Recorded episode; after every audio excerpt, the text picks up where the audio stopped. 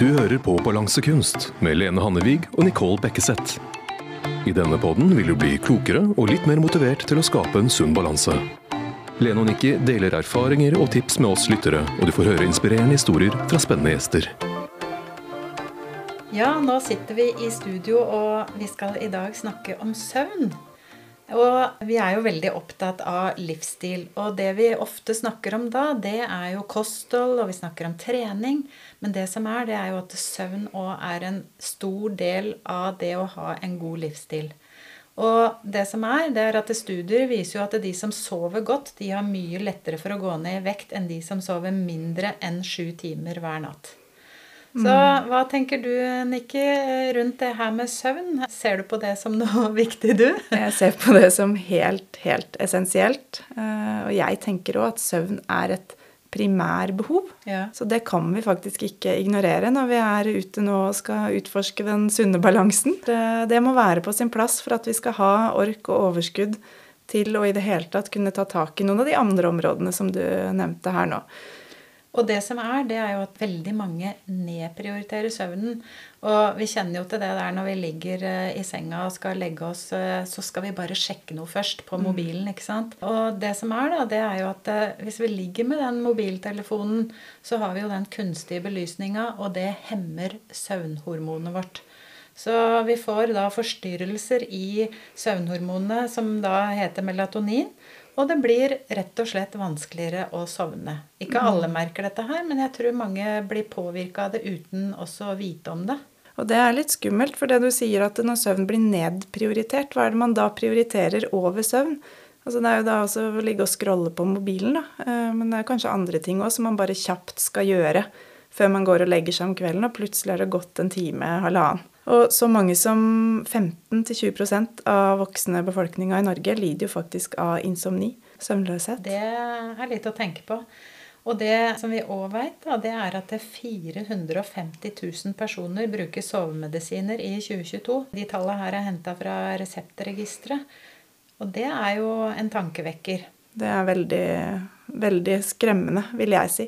Og det her er jo så viktig for oss i forhold til det med å skape den sunne balansen. Tenk på det. eh, Dette her med medisinbruk også, hvordan det påvirker eh, den sunne balansen. Det er ikke helt ubetydelig.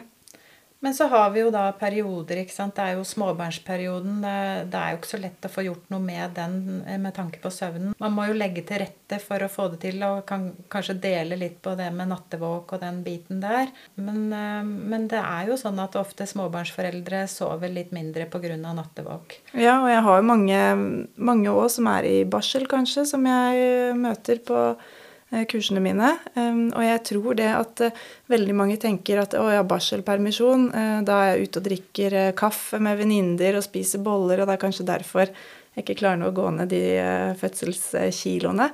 Eh, Men det er veldig ofte òg at de ignorerer dette her med søvn. At det er kanskje det som må på plass først. Å få tilbake en god eh, søvnhygiene, eh, Ja. søvnhelse, før man i det hele tatt kan begynne å tenke på å ta tak i alle de andre områdene. Og det, det er jo litt sånn eh, greit å tenke på, da, for vi veit jo det at eh, sover man dårlig, så får man jo også lyst på disse bollene som eh, du nevnte, ikke sant? Ja. Og så kommer man inn i en litt sånn ond sirkel. Ja. Og så ser vi jo skiftarbeidere da, som eh, jobber eh, Ja, noen jobber kanskje natta og eh, sliter litt med søvnen i forhold til det. Eh, Eller at man jobber kveld og skal rett på en dagvakt etterpå og får da for få timer, rett og slett. Det kan òg være en eh, utfordring. Det er en utfordring, og det er jo eh, noe vi også individuelt tilpasser i coachingene våre i forhold til hvordan hver og en jobber og livssituasjon. Vi gir litt råd i forhold til det, hvordan man kan gjøre akkurat det. Ja. Men er man forhindra fra å sove, så påvirker dette her kostholdet vårt. Det påvirker treninga vår, selvfølgelig. Så søvn, det er eh, helt essensielt. Men det jeg lurer litt på, sånn helt konkret da, Lene, eh, når du tenker på, på søvnmangel, eh, hvordan påvirker det i forhold til eh, ja, vekt, f.eks., som vi jobber mye med? Det som er hvis man sover lite, da har man jo mer tid våken, rett og slett. Og man har mer tid til å spise. Da tenker jeg på hvis man ikke får lagt seg på kvelden, f.eks., så har man jo mer tid våken. Og det er jo ofte da mange setter seg ned og koser seg med litt forskjellige ting òg, ikke sant? Ja, når du egentlig er trøtt, Ja. og så prøver du å spise deg våken. Ja. Og så kommer dagen etterpå, hvor du da blir veldig sliten fordi du har fått for lite søvn. Og du blir i hvert fall for sliten til å være i fysisk aktivitet. Det er ikke noe som frister hvis man eh, har eh, søvnunderskudd. Og da får man jo et redusert energiforbruk, da, som på sikt kan føre til vektøkning. Og det er jo kjedelig. Ja, det er veldig uheldig. Så på sånn måte så fører faktisk søvnmangel til vektøkning. Kanskje litt ubevisst. Ja, Så hvorfor eh, er det viktig med søvn, da? For det første, man blir mye mer robust. Og det har i hvert fall jeg kjent på. At jeg føler meg litt mer sånn skjør hvis jeg får for lite søvn. Og dagen etter blir liksom sånn man blir som en sånn zombie og bare går og venter på at eh, den dagen skal gå over, så man kan sove godt neste natt. Og så er det jo det at eh, man får en mye bedre hor hormonbalanse i kroppen. Vi har jo noe som heter sulthormon og metthetshormon. Og det er jo det å få de hormonene i balanse. Det Sulthormonet kaller vi for grelin, og metthetshormonet kaller vi for leptin. Når vi klarer å få det i balanse, så er det mye lettere å da å være mer i balanse, da. Ja, så disse hormonene, eller de signalene, de blir litt utydelige eller viska ut hvis du ja, er sliten og trøtt. Og så får vi jo da mye mer behov for fett og karbohydrater. Ja, for det er jo ikke brokkoli du har lyst på når du er eh, trøtt. Nei, det er det ikke. Og for noen så er det jo ja, hvis det er lange perioder, eller at man også da i kombinasjon med, med overvekt har søvnmangel, opplever økt risiko for søvnapné.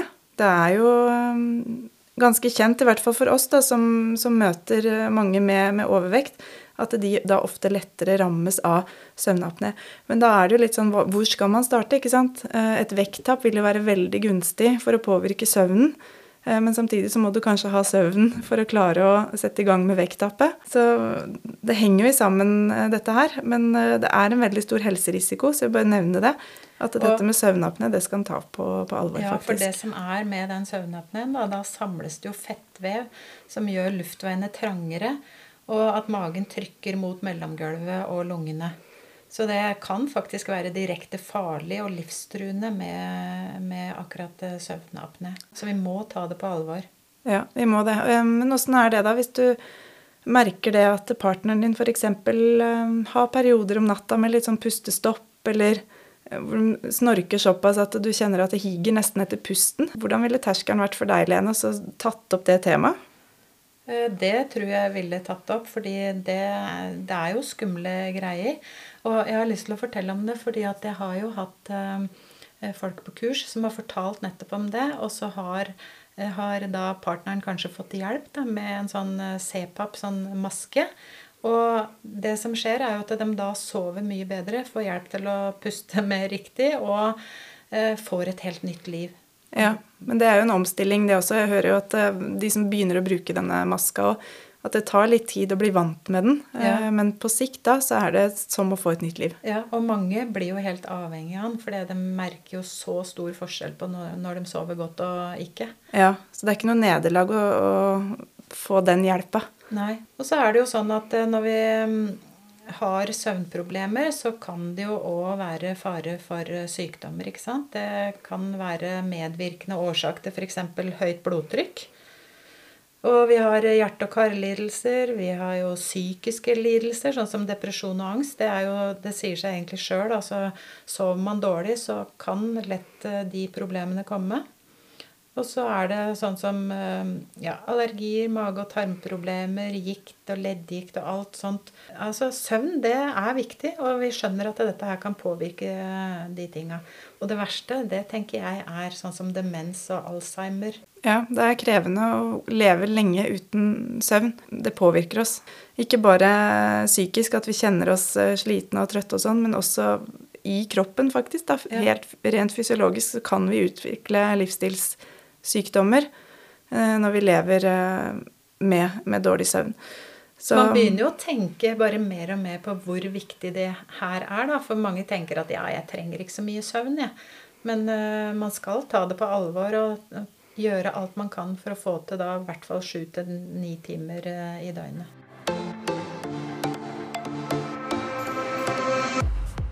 Hva kan vi gjøre da for å få til dette her? Ja, nå ble det veldig sånn negativt ja, og det. litt sånn deprimerende egentlig, akkurat dette her. Så nå må vi jo finne ut av hva vi kan gjøre for å snu på det, da. Ja. For det fins jo muligheter her. Eh, for oss som ikke trenger å ta sovemedisin, mm. så er det jo kanskje enkle grep som skal til for å snu det fra å være lida av såkalt søvnmangel til å faktisk få eh, regelmessig og nok søvn.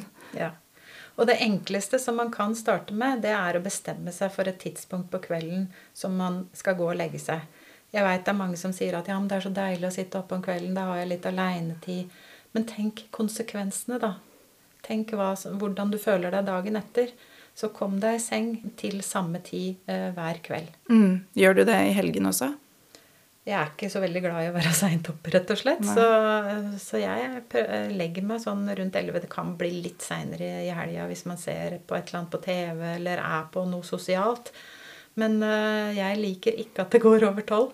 Så jeg er litt sånn, sikkert litt kjedelig der. Men uh, det funker veldig bra når man har kontroll på søvnen. Ja. Heller ha verdifulle og gode våkentimer. Ja. Helt enig. Uh, og så er det jo dette her med, med, trening, da. Jeg kan jo ikke få applaudert det nok. Men jeg kjenner på det, det å gå til sengs om kvelden når jeg har fått trent en dag, det gir meg en helt annen ro. Det gir meg en helt annen innsovning. Kjenne at kroppen er sånn tung. Nå legger jeg meg ned liksom får sånn ordentlig kontakt med madrassen, til og med helt nedi leggen. Yeah. At det er sånn tung i kroppen når jeg skal legge meg. Det fins jo ikke noe som er deiligere enn å gå inn i natta og være også fysisk sliten. Ja, det er helt nydelig følelse. Og da Så, tror jeg man sover bedre. Ja, så får man til regelmessig fysisk aktivitet, så tror jeg det har veldig mye å si for søvnen. Og så er det dette med, med, temperatur også på soverommet. Ikke for varmt, ikke for kaldt. Jeg tror mm. det er 16 grader som skal være det ideelle. Um, men der er vi jo litt uh, ja, personpreferanser også som ja. avgjør det. Men uansett, frisk luft tenker jeg er viktig å ha på soverommet. Og så er det det å Hvis man eh, syns det er litt vanskelig å sovne inn, da, så kan man kanskje ha noen sånne forskjellige avspenningsteknikker som gjør det lettere å kunne slappe av. For det er mange som har mye å tenke på, som eh, ikke klarer helt å slappe av når de går til sengs. Men eh, der også så jo, har vi jo noe som vi kaller for grubletid, Nikki. Mm. Og det er bestemme seg for å ta den der grubletida kanskje litt før du skal legge deg. Ta unna, Tenk på alle de bekymringene du har, og de utfordringene du har. Gjør deg ferdig med å gruble da, og så sett av tid til det. Og når du skal gå og legge deg, så har du på en måte tenkt gjennom og, og skal være ferdig med det da. Ja, og samme med den scrollinga, da. Ta den på kvelden en gang. Eh, gjerne et par timer før du egentlig skal legge deg, så du er ferdig bearbeida med alt du har lest på VG og Dagbladet før du går i seng. Så tror jeg det er viktig å unngå søvn på dagtid jeg har jo litt sånn sansen for en sånn uh, liten powernap, da. Hvis ja. man uh, er sliten og full i hodet, så syns jeg det er deilig å bare legge meg rett ut. Bare prøve å slappe av litt. Grann, kanskje en kvarter, 20 minutter. Bare for at kroppen skal få slappe av, hodet skal få hvile. Det tror jeg er veldig sunt, egentlig. Men ikke legge seg for å sove. Det, det, må vi unngå, for da kan det være vanskelig å sovne på kveldstid. Ja, jeg får ikke til å slappe av på dagen. Da sover jeg ikke om kvelden. Og så er det det å mm, spise mindre måltid på kvelden. Fordi vi har jo kjent på det å være stappmett på kvelden. Du har kanskje vært på noe sånn sosialt, og så har du eh, spist ganske mye god mat og du er stappmett og legger deg, og hvordan blir den natta da? Jeg syns i hvert fall ikke søvnen blir god da. Så er det jo det at man skal heller ikke spise for lite. Det er det å finne den gode balansen på greit måltid før man legger seg. Ja, et sånt lite kveldsmåltid som gjør at du er sånn akkurat passe mett, ja. men ikke gir kroppen for mye jobb, da. Og så er det jo det med å unngå koffeinholdig drikke. Sånn som kaffe, ikke sant. Der er det jo stor forskjell på hva vi takler. Men det er jo ikke smart å drikke kaffe for seint på kvelden. Nei, det er ikke smart. Men det er jo ting som er smart å ta seint på kvelden. Eh, ja. Og det veit vi også, at eh, melk eh, og melkeprodukter det er en kilde til en aminosyre som heter tryptofan. Og den omdannes til søvnhormonet melatonin i hjernen. Og kalsium, da, som du får i melk og melkeprodukter, det fremmer denne her omdannelsen. Og det er jo kanskje forklaringa på hvorfor vi fra gammelt av har hørt da, gå og ta deg et glass med varmt melk. Ja. Eller med honning. Ja, fordi at det kan bidra til å fremme innsovning eller den gode, gode nattesøvnen. Og hvis man da kanskje kombinerer det da, med litt sånn grove kornvarer, da får du i tillegg en utskillelse av insulin, og det er et hormon som sørger for at tryptofanen når inn i de cellene der melatoninen dannes.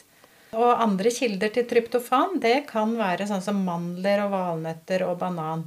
Og da tenker jo jeg at eh, et sånt helt optimalt kveldsmåltid da, det kan være en fiberrik grøt som er lagd på melk Eh, kanskje med noe valnøtter eller noen mandler. Og så grov kornblanding eh, med melk. Sånn havregrøt-lignende.